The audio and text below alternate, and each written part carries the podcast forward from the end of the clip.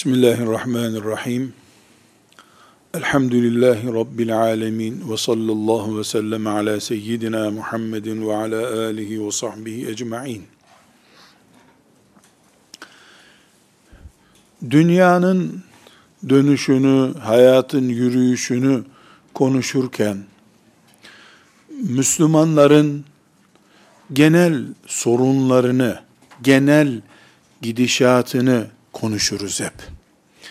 Mesela dünyada şöyle bir bloklaşma var, böyle bir gidişat var deriz. Müslümanlar işte şu noktada ilerlediler, geri kaldılar deriz. Bir bütün blok içerisinde Müslümanları görüp konuşuruz. Umumiyetle tavır böyledir. Ancak biz hangi zamanda yaşarsak yaşayalım.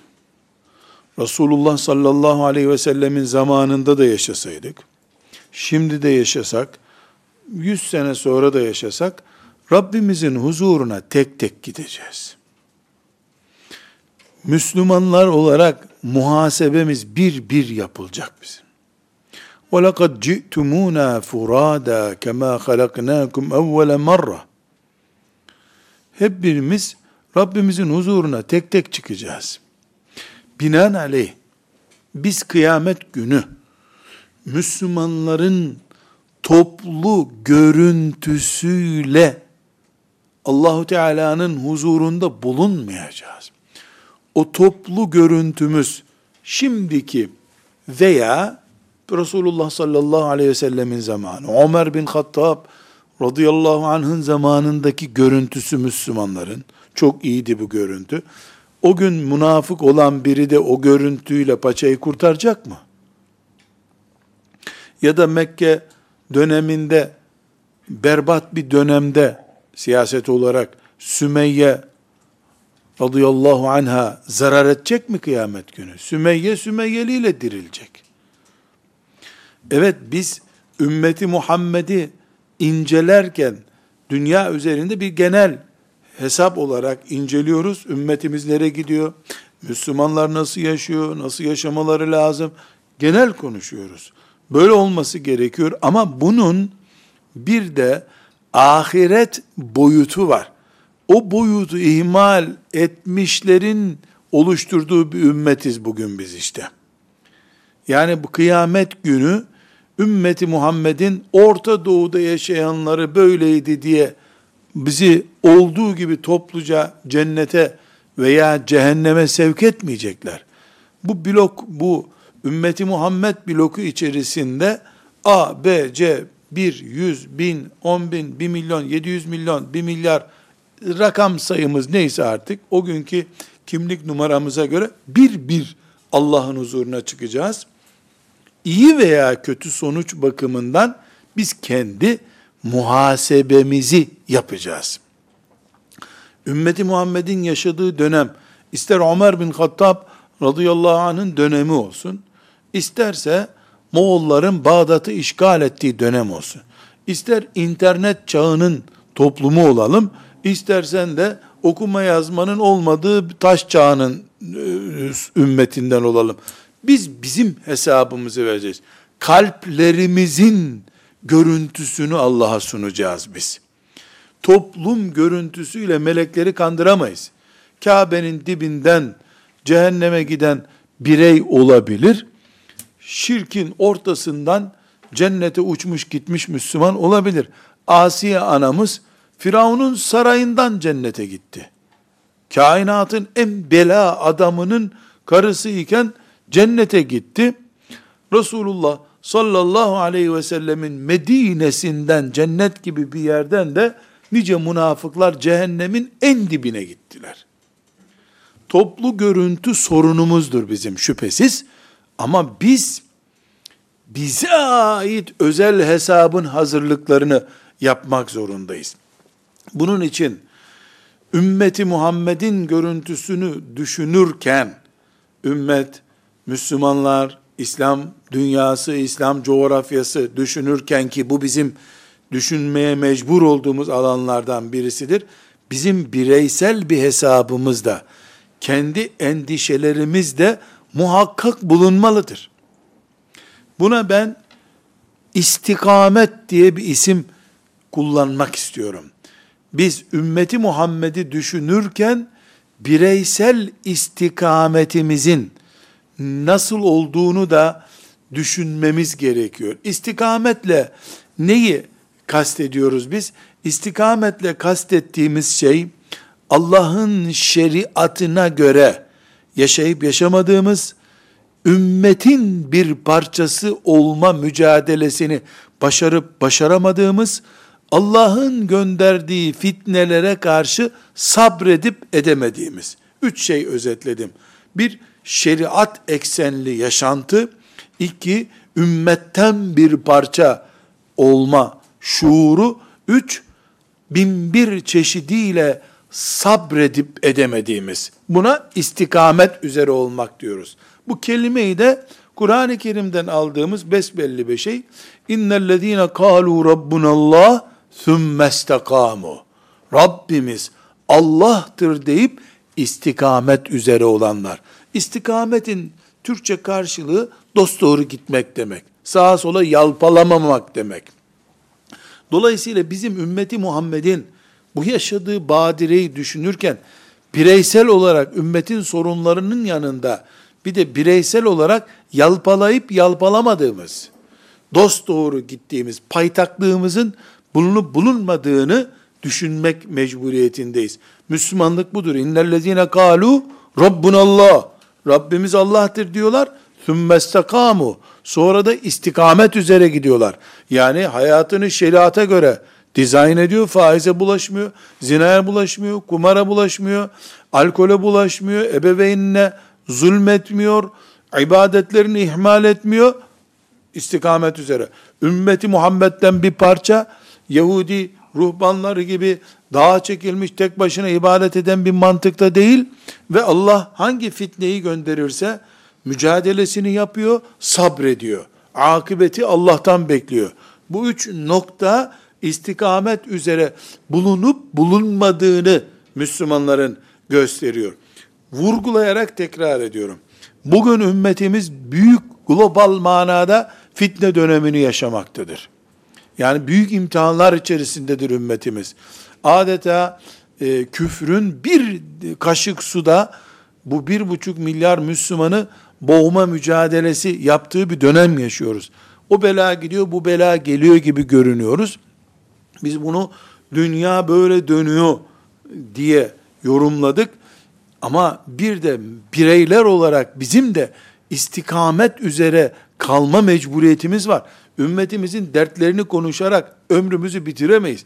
Ümmetimizin dertleri yanında bizim ne kadar ayakta kaldığımız, Allahu Teala'nın çizdiği çizgi üzerinde ne kadar durabildiğimiz de ciddi bir konu.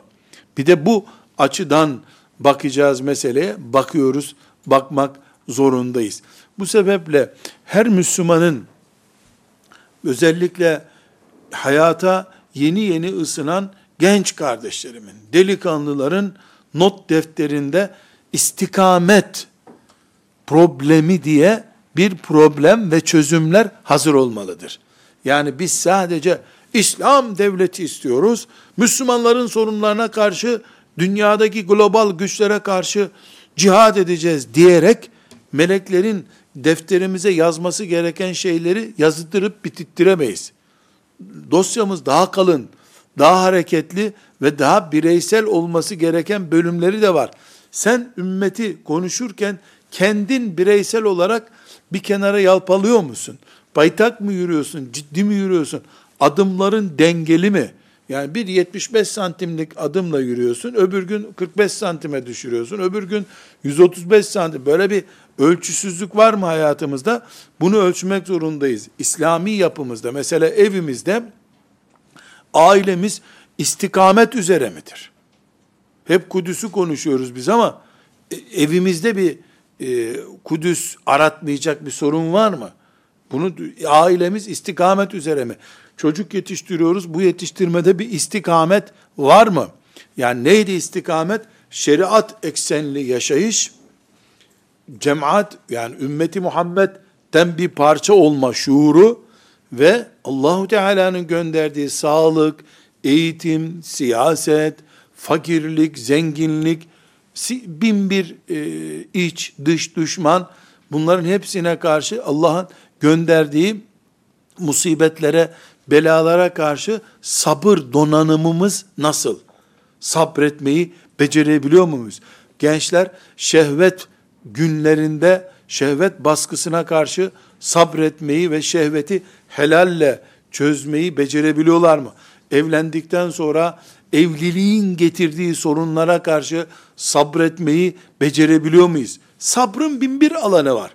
Bu ayrıntılarına girmek istemiyorum ama mümin olarak bulunduğum her yerde tek başına hesap vereceğim bir muhasebe dosyası açılıyor demektir. Hiçbirimiz kıyamet günü benim namazlarımı ve faizle ilgili şeylerimi ümmet bölümünden sorun diye ümmeti Muhammed'den toplu bir hesap, toplu ödeme yapın şeklinde bir şey yok. Herkes tek tek mezarından kalkacak, tek tek Allah'ın önüne dikilecek. Herkes dikilecek. Ve yaratıldığın günden son güne kadar o gün bugün neydi diye sorulacak. Dil konuşacak, el konuşacak, gözler konuşacak, ayaklar konuşacak, organlarımız konuşacak o gün. Kime ne baktın, ne ettin? Bu bireysel hesabımız. Ümmet sorgulanırken bireysel hesabımız bölümünden sorgulanacak. Bizim namımıza Hazreti Ömer'i çağırıp yargılamayacak Allahu Teala. Ömer de bu ümmetten bir birey olduğu için ona da sorular sorulacak. Ne yaptın? İşte Irak'ta bir keçi yuvarlandı sen yol yapmadığın için sorusu Ömer'e o zaman sorulacak. Bugün de aynı şey. Siyasette olana ümmet adına ne yaptığı sorulacak. Alim olana ümmetin gençlerini nereye yönlendirdiği sorulacak. Fetva verene kimden korktun da kimin endişesiyle o fetvaları vermiştin sorulacak. Gençleri kendi vakfına yönlendirip ümmete feda etmeye değil, kendine feda etmeye doğru su istimal edene sorular sorulacak. Hayır yapana da hayırlar sorulacak şüphesiz. Bunlar kabul edilen amellerindi denecek. Hep kötü değil durum. Ama kıyamet günü biz tek tek hesap yerine çağrılacağız. Ülke ülke değil. Sultan Fatih'in ülkesindekiler gelsin bakalım. Böyle bir şey yok. Tek tek milyarlarca insan çıldırmamak mümkün değil. Bu büyük sahneyi düşündüğünde anin nebe'il azim. Anin nebe'il azim. Büyük olay ya Allah. O gün yardım et ya Rabbi bize. Tek tek sıra bekleyeceksin. Beş kişi, yüz kişi, bir milyon kişi, bir milyar kişi değil. Allah biliyor ne kadar olduğunu. Adem aleyhisselam çağrılacak. Şit aleyhisselamın çağrıl, Nuh aleyhisselamın ça oğlu çağrılacak. Nuh aleyhisselam çağrılacak. Kimi beş ay yaşamış, kimi elli sene yaşamış, kimi yüz elli sene yaşamış. Dakika dakika ömrünün hesabı sorulacak herkesin. Ya bunu tefekkür etmek bile çıldırtır insanı. Ve sen bekliyorsun. Sırada güneşin altında herkes bekliyor. Saniye saniye hesabını soruyorlar herkesin. O arada sen istikamet üzere miydin? Yani şeriat eksenli, ümmetiyle beraber ve her şeye sabreden mümin miydin? Bu üç şey üzerinden sorgulanacak. O gün hesabı en kolay kafirlerin olacak. Hiçbir şey sorulmayacak çünkü. Dosyası olmadığı için yallah cehenneme. Ama mümin hesap verecek. Saniye saniye hesap verecek. O gün ki hesap vereceğimiz dosyanın adına bugün istikamet dosyası diyoruz. İnnellezine kalu rabbunallah thumma istakamu. Rabbimiz Allah'tır deyip müminler blokunda kaldık. Elhamdülillah. Thumma istakamu. Sonra da istikamet üzere yaşayıp yaşamamama. İstikamet diye bir endişem var mı, yok mu? Onun mütalasını yapıyoruz. Bu sebeple bizim dünya üzerindeki Müslüman anlayışı değerlendirirken kesinlikle istikamet diye bir başlık açmamız gerekiyor. O başlığı madde madde değerlendirmek istiyorum. Birinci maddemiz kardeşlerim çok önemli bu. İstikamet Allah'ın lütfudur kuluna. Hiç kimse bir medreseye girip, bir okula girip istikamet bölümünden mezun olmuyor. İman ediyorsun, samimiyetle Allah'a güveniyorsun, tevekkül ediyorsun, gerçekten mümin olduğunu, mümin olma olarak yaşamak istediğini melekler görüyorlar, kaydediyorlar. Allah sana istikamet lütfediyor. Her şey Allah'ın kudretinde. Her şey onun elinde. Ama isterken ki samimiyet senin elinde. Hem faizli hesaplar devam etsin. Hem arkadaşların gönlü kırılmasın. Cinsellikten vesaireden zevklerin devam etsin. Hem de süper kalitede bir Müslüman olduğunu, olmak istediğini ikide bir söyle. Melekler böyle bir şeye ne amin derler, ne inanırlar zaten. Birinci kanun şudur. İstikamet Allah'ın lütfuyla sağlanıyor. Yoksa Müslüman yalpalar, faize bulaşır. Siyaset, ticaret bilmem ne uğruna taviz verir dininden. Ama kul Allah'ın cennetini mümin olarak yaşayıp rahmetiyle ölme arzusunu samimi bir şekilde gösterirse, Peygamber Efendimiz sallallahu aleyhi ve sellem'den ne haber geliyor bize, ne diyor sahabi? En çok yaptığı dua, şu duaydı diyor. Ya mukallibel kulub, sebbit kalbi ala dinik. Ey kalpleri hareket ettiren Allah, benim kalbimi senin dininde sabit kıl diye dua ederdi diyor peygamber sallallahu aleyhi ve sellem. Milyarlarca kalp ona yönelmiş. O ise kalbimi bozma ya Rabbi diye dua ediyor. Bu istekteki samimiyet ve yoğunluğu gösteriyor. Bu istekteki samimiyet ve yoğunluk Allah'ın lütfu olan istikamete senin kalbinin yönlendirilmesini bize anlatıyor. Vallahu yehdi men yeşâ'u ila sıratin müstakim. Nur suresinin 46. ayeti. Bunu unutmuyoruz. Allah sırat-ı müstakime yani istikamet güzergahına dilediklerini yönlendiriyor. Kimi de diliyor Allah? Samimi bir istekte bulunan kullarını. Kalabalıkta herkes amin dedi, o da amin diyor. Allah saptırmasın diye birisi dua etti, he he amin diyor. Bunlar kendi kendimizi kandırdığımız şeyler olabilir. Mümin canhıraş bir arzu ile e, Rabbim beni kaydırma, sapa sağlam tut, güzergahım sağlam olsun diye heyecan taşıyacak. Bu heyecanı Allah görünce bin kere fitne de gelse sapa sağlam Uhud dağı gibi kalır mümin o zaman. Eğer sen baştan esnek bir tavır sergilersen, olursa da olur, olmasa da olur. Hem faiz olsun, hem müstehcen hayatla beraber olsun, hem iyi Müslüman olsun ashab-ı kiram gibi şeklinde kendini oyalarsan, ilk dalga ile beraber fitne seni bitirir. İlk dalga ile beraber, ikinci dalgaya gerek kalmaz. İlk dalgada şeytanın kucağına Allah muhafaza buyursun düşer mümin.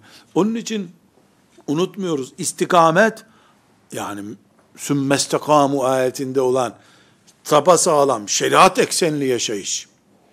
Müminlerin bir parçası, ümmetin bir parçası olma şuuru ve her türlü fitneye karşı sabırlı mümin olmak bir istikamet sonucudur. Bu istikameti Allah dilediği kuluna veriyor ama bu nasıl diliyor Allah bunu? Kuldaki heyecana göre kuldaki aşk ve samimiyete göre diliyor. Burada tefekkür edilmesi gereken bir ayrıntı var. Biz onlarca kere her gün Allah'tan bunu istiyoruz aslında. İhtinas sıratal müstakim diyoruz.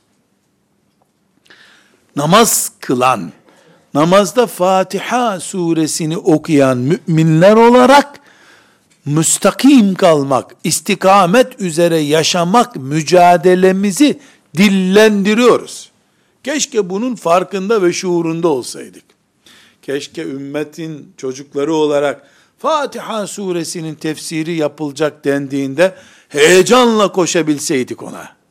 Fatiha suresinin mealini biliyorum zaten deyip bunu basit bir konu görmeyen şuurda olsaydık keşke.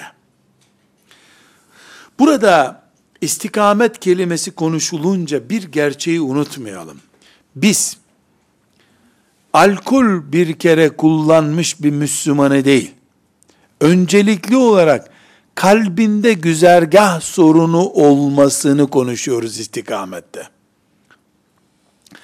Mesela sekülerizmin bataklığı karşısında yalpalamış Müslüman, istikamet sorunu olan bir Müslümandır. Haramlardan bir harama, günahlardan bir günaha düşmüş olmak tövbeden sonra yok hükmündedir zaten. Ama kalpte, düşünce tarzında sorun yaşamak büyük bir problem. Onun için istikametle ilgili bir konu konuşulduğunda özellikle kalpteki konuları, iman konularını, sevgi ve nefret konularını, Allah'ı, şeriatını, ahireti, cenneti, sıratı, Muhammed sallallahu aleyhi ve sellemi ve sünnetini öncelikli kalbin ana duvarlarını ve bölümlerini oluşturan, beyin kimliğimizi oluşturan mantık olarak görmeyi önemsiyoruz.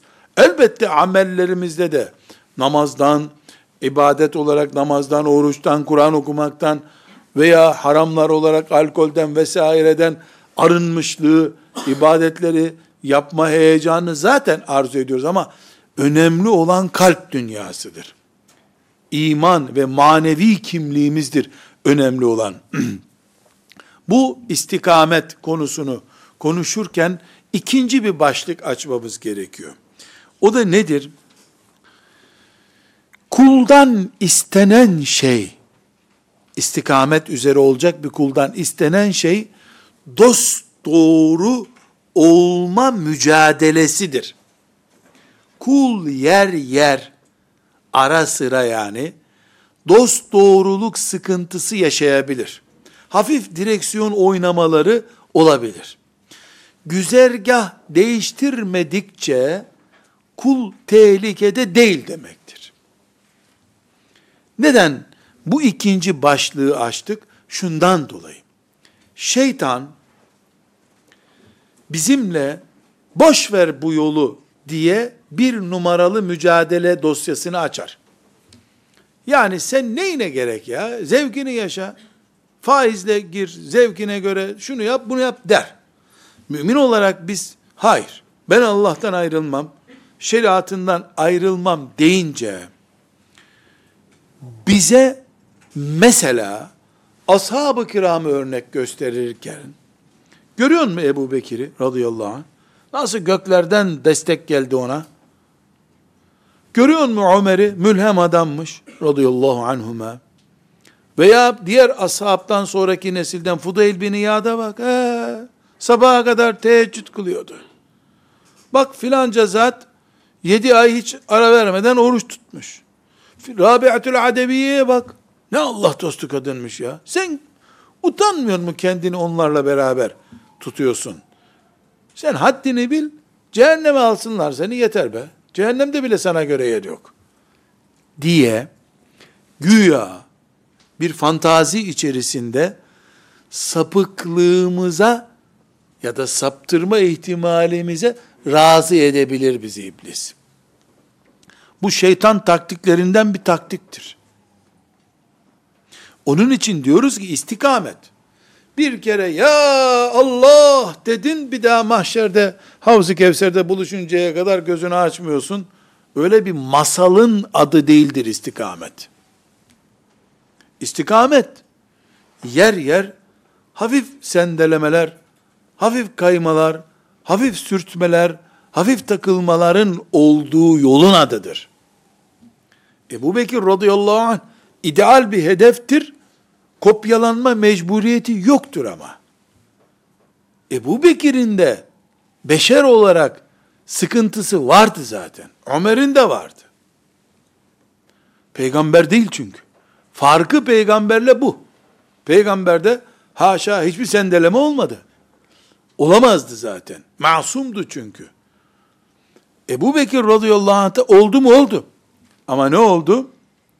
Allah ondan zaten hiç nefes almamasını, iman edince nefesini bir tut, burnunu da kapat, bir daha mahşerde nefes alırsın demedi ki ona. Hiçbir sahabeye de bunu demedi. Şeytan bize güya o uçuk hedefleri gösterip sen kim bunlar kim bir de aynı cennete gireceksin diye bocalattırabilir. Zihin kargaşasına neden olabilir. Onun için biz diyoruz ki kuldan istenen şey istikamet idealini saptırmamasıdır. Yer yer sendelemeler olması hiçbir sıkıntısı yoktur. Çünkü Resulullah sallallahu aleyhi ve sellem meşhur Bukhari'de rivayet edilen hadis-i şerifte ne buyuruyor? Din kolaylıktır. Dinde zorluk çıkarmayın. Eğer zorluk çıkarır, illa süper kalite olacak derseniz mağlup olursunuz. Siz doğru olun, eksikleri tamamlamaya çalışın, sapmayın, gerisini de Allah'a bırakın. Efendimiz sallallahu aleyhi ve sellemin haberi budur. Biz yani ciddi bir şekilde istikamet mücadelesi yapıyoruz ama bu istikametimiz gerçekçidir. Niyetlerimizde, iç dünyamızda hiçbir sıkıntı olmasın. Sekülerist anlayış, liberalist kafa bizim zihin dünyamızda asla bir yer olmasın. Gerisi kolay. Kalp dünyasının ciddiyetini istiyoruz. Faizsiz olur mu bu hayat? Sözü ağzımızdan çıkmasın. Bir gün kazara faize bulaşırsam, ırmaklar gibi gözyaşı akıtırım, Rabbim beni affeder. Ama hiç faize bulaşmadığım halde mesela e, faiz de olmuyor başka türlü canım. Banka neyle geçinecek? Dediğim an namazlarım da işe yaramıyor bir daha. Çünkü biri iman meselesi, öbürü kullukta kaynaklanan sürçme meselesidir. Burada Rabbimizin bir ayetini e, istikametle ilgili ayetini örnek olarak zikretmek istiyorum. Allahu Teala festakimu ileyh vestağfiruh buyuruyor. Festakimu ileyh vestağfiruh. Rabbinizin yolunda müstakim olun, istikamet üzere olun ve istiğfar edin. Madem istikamet üzere olacağız, niye istiğfar edelim? Niye istikamet? Ya istikamet ne demek? Dost doğru Allah yolunda olmak demek. E, istiğfar ne demek? Hatalardan özür dilemek demek Türkçe deyimiyle. E Allahu Teala festakimu ile Allah'a doğru yönünüzü çevirin diyor. Çevirdik ya Rabbi. İstiğfarı unutmayın diyor. Neden? Peygamber değilsin sen. Ne kadar istikamet heyecanın olursa olsun ufak tefek sürçmeler, dil hataları, göz hataları olur. Bunlar acilen istiğfarla düzeltilir. İstikamet devam eder. Şeytanın bu bizi batırma projesi de kesinlikle yer bulamaz hayatımızda. Bunu tekrar ikinci maddeyi özetliyorum. İstikamet yani şeriat eksenli bir hayat ümmet içerisinde bulunma şuuru ve musibetlere karşı dayanma, direnme, sabretme heyecanımız buna istikamet diyoruz. Fitne zamanında istikamet üzere olmak zorundayız diyoruz. Bu anlayışımız bizim sıfır hatalı, sıfır yanılgılı olma anlamına gelmiyor. Arkadaşlık, kardeşlik, ümmet anlayışı içerisinde hatam olabilir bir mümini üzebilirim. Yahu yanlışlıkla birisinin bir şeysini çalabilirim. İnsan değil miyim ben? Hata edebilirim. İşimin bittiğine e, işaret değil bu. İlk hata ile beraber sıfırlanmıyorum ben. Yeter ki onu benimsemiş olmayayım. Kalbi hala hareketli. Bugünkü ifadelerle vicdanı hala canlı bir mümin için kovulma yoktur Allah'ın izniyle. Festakimu ileyh ve estağfiruh. İstikamete devam edin, istiğfar edin. Demek ki bir mücadele söz konusu.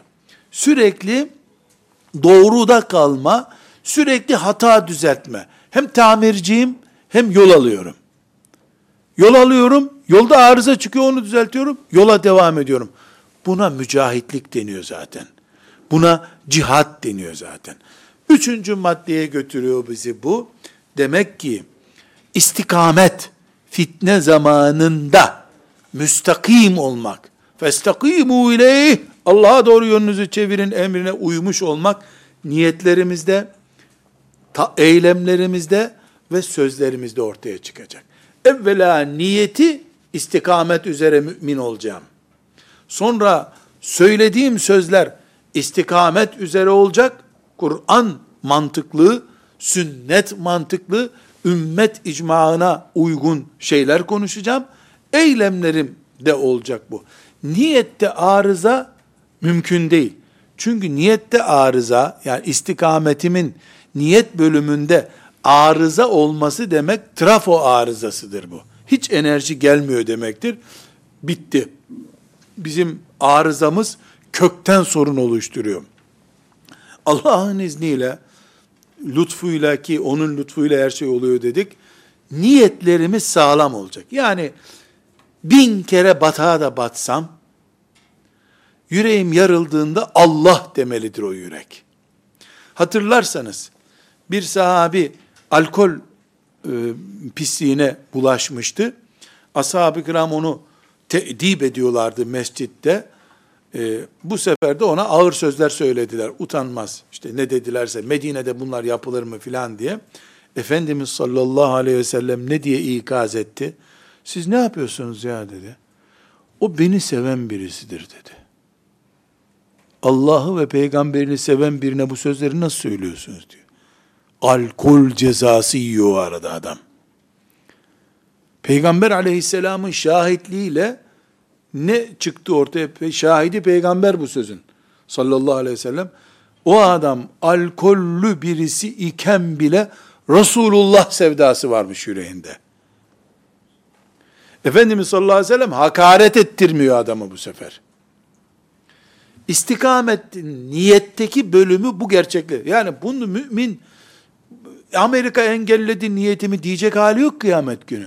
Siyonistler bizim niyetlerimizi bozmuşlar mıydı diyeceğiz. Yani biz bir hataya maazallah düşecek olsak bile hatanın içerisinde iki ay bulunuyor olsak bile melekler niyetimizi okuyorlar bizim. Allah alimun bizati sudur. Göğüslerimizi okuyor Allah. Zaten göğüslerimizi görmesiyle elimizin yaptığı hareketleri görmesi arasında bir fark yok Allah için. İkisini de aynı görüyor. E, elimizin, kolumuzun hareketini gören Allah, kalbimizdeki duyguları, beynimizdeki yapıyı da görüyor. Allah, bu kul şu hataya düştü ama yüreği hala şeriat yüreklidir. Alkol şişesine tutmuş ama Resulullah aleyhissalatü vesselam onun gözünde kainatın efendisi hala. Kırbaç yiyor ama peygamberine dokundurtturmuyor. Niyetlerde istikameti hiçbir şekilde gerekçelendiremeyiz.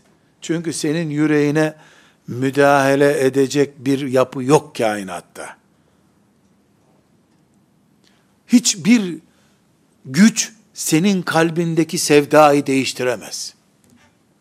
Sözlerini değiştirebilirler bak. Kırbaçla, elektrik şoklarıyla, argo, sözler söyleyebilirsin. Yanlış yolları, yanlış batıl sözler söyleyebilirsin. Hatta hatta zinaya da düşebilir maazallah mümin ama yüreği değiştirilemez. Yürek değişiyorsa isteyerek değiştirdin demektir. Çok baskı yaptılar, çok algı oluşturdular. İmtihan buydu zaten. Fitne zamanında haberleri izlemeseydin, arkadaşlarını iyi seçseydin, çok müminlerle beraber olmayı deneseydin, çok istiğfar etseydin, niyetlerde ciddiyet çok önemli. Zaten niyet güçlü oldu mu, batıl bir sözü sana bir defa söyletebilirler. Gelir evinde akıttığın gözyaşları, nedametin o batıl sözü 40 kere temizler. Evet, üçüncü nokta istikamet için, fitne zamanında istikamet için üçüncü tespit ettiğimiz nokta, niyetlerimizde, sözlerimizde, eylemlerimizde istikamet aranıyor. Evet, üçü de istikamet üzere olmalı ama ve lakin yer yer insanın ayağı bir çakıl taşına takılabilir. Yer yer dil yanlış şeyler söyleyebilir. Göz görmemesi gerekeni görebilir. Kulağa çirkin söz girebilir. Şu bu girebilir. Ama beyin dünyamız Allah'a kilitlidir.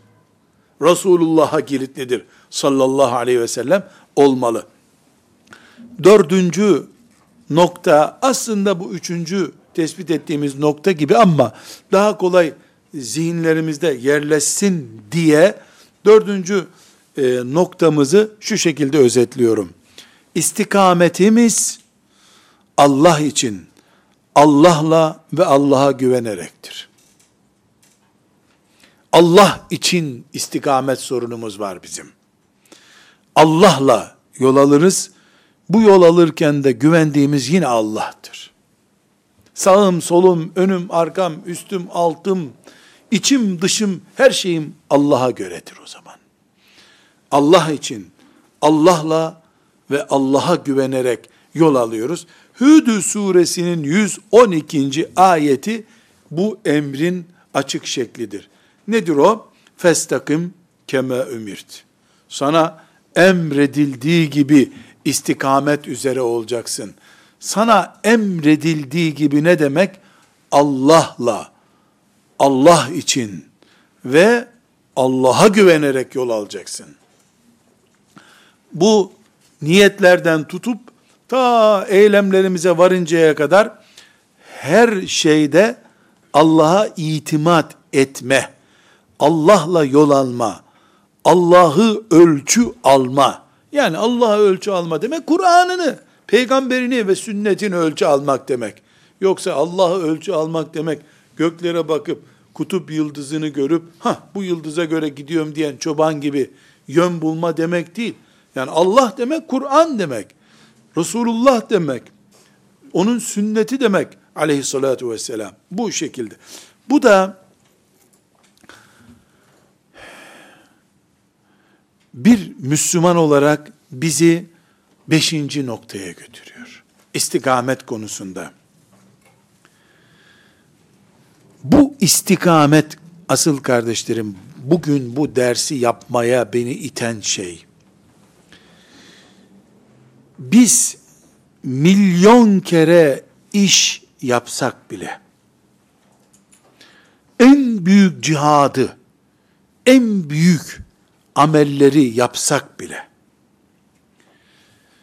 işimizden çok, yaptığımızdan çok Allah'a güvenmek zorundayız. Efendimiz sallallahu aleyhi ve sellem bu konuda ciddi bir şekilde bizi ikaz etmiştir. Ne buyuruyor? Çalışın, gayret edin ve umut var olun ama yaptıklarınıza güvenmeyin buyuruyor. Çünkü yaptığın ibadetler cihadın birikimin demek. Bir fare bu birikimini yiyip bitirebilir senin. Sonra buyurmuş ki Efendimiz sallallahu aleyhi ve sellem sizden hiçbiriniz yaptığı şeyler sayesinde cennete girmeyecek. Allah'ın lütfuyla girecek.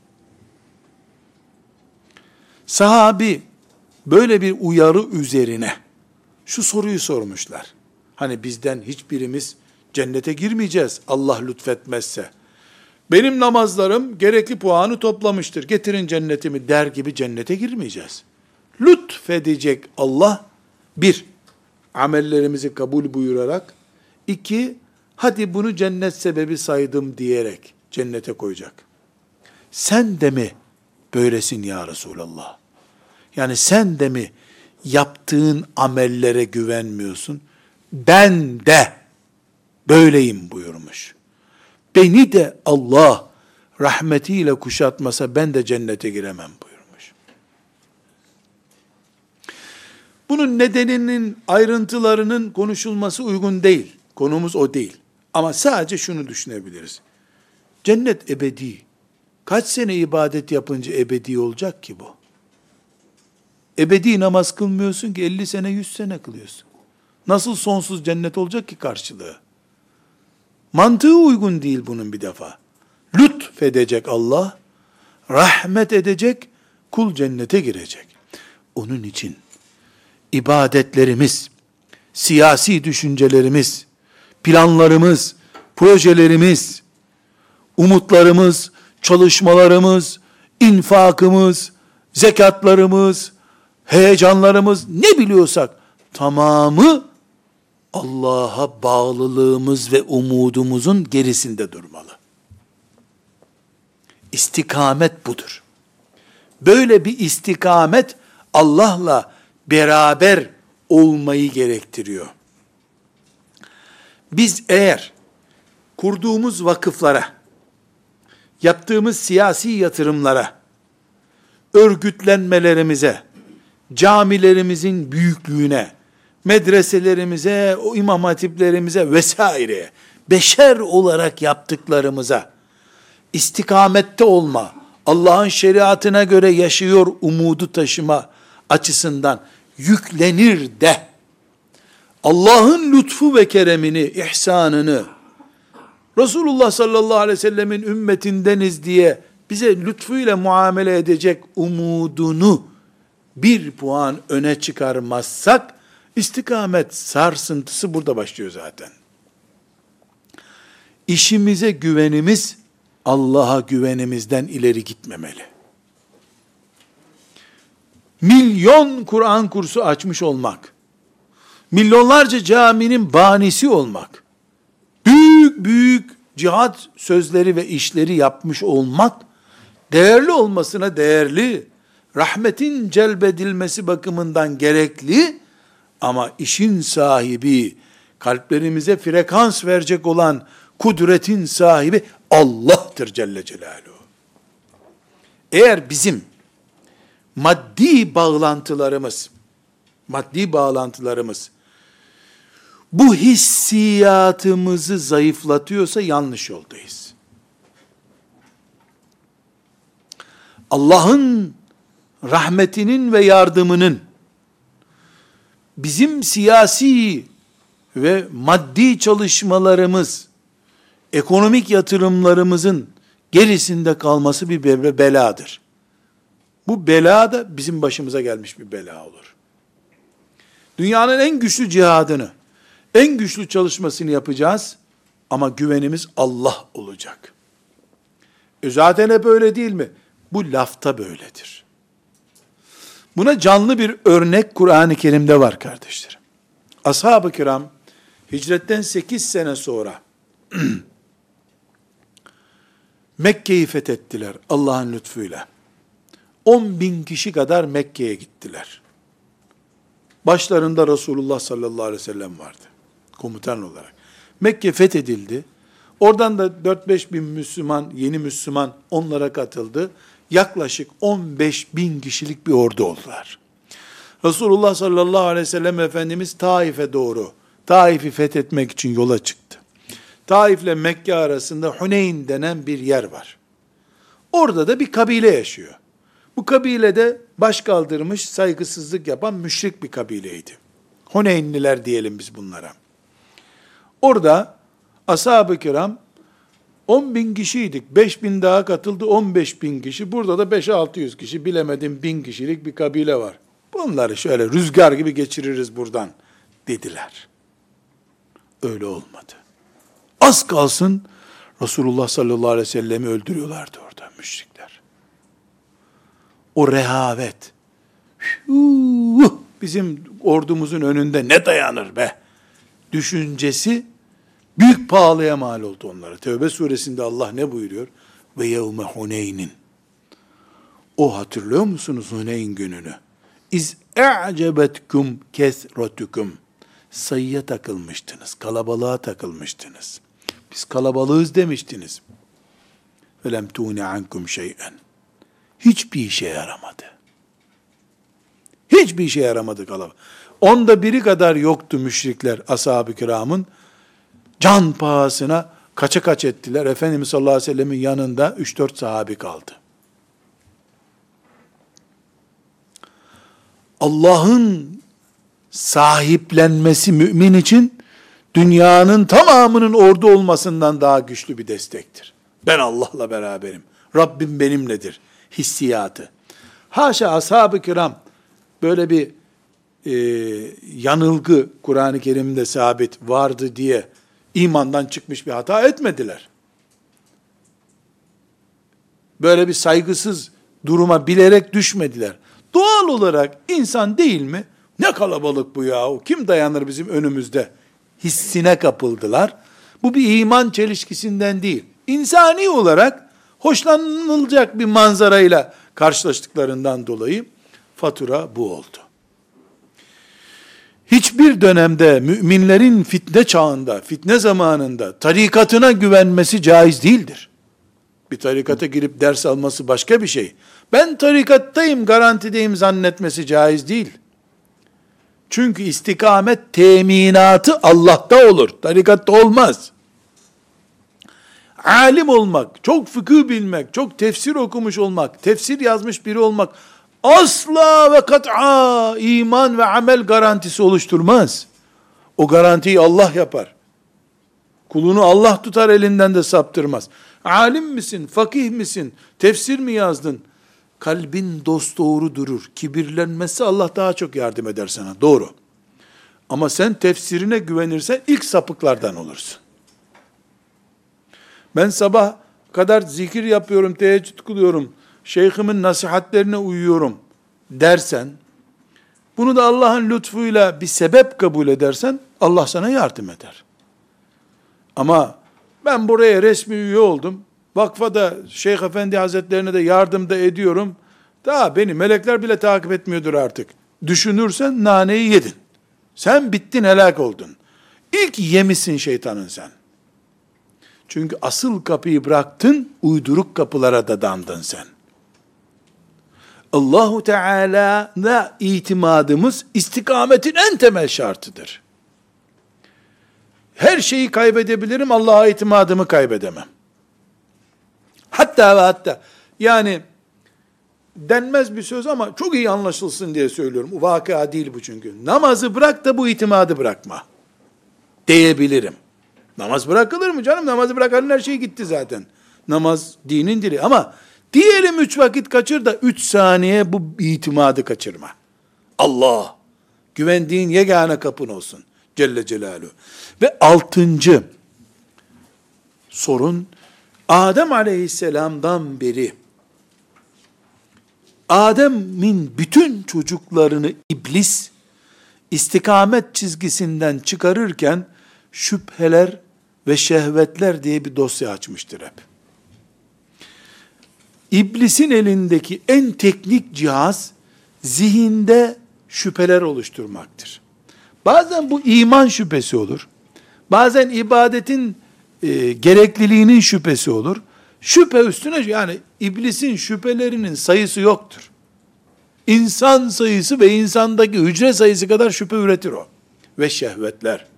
Şehvet sadece cinsellik değil tabi.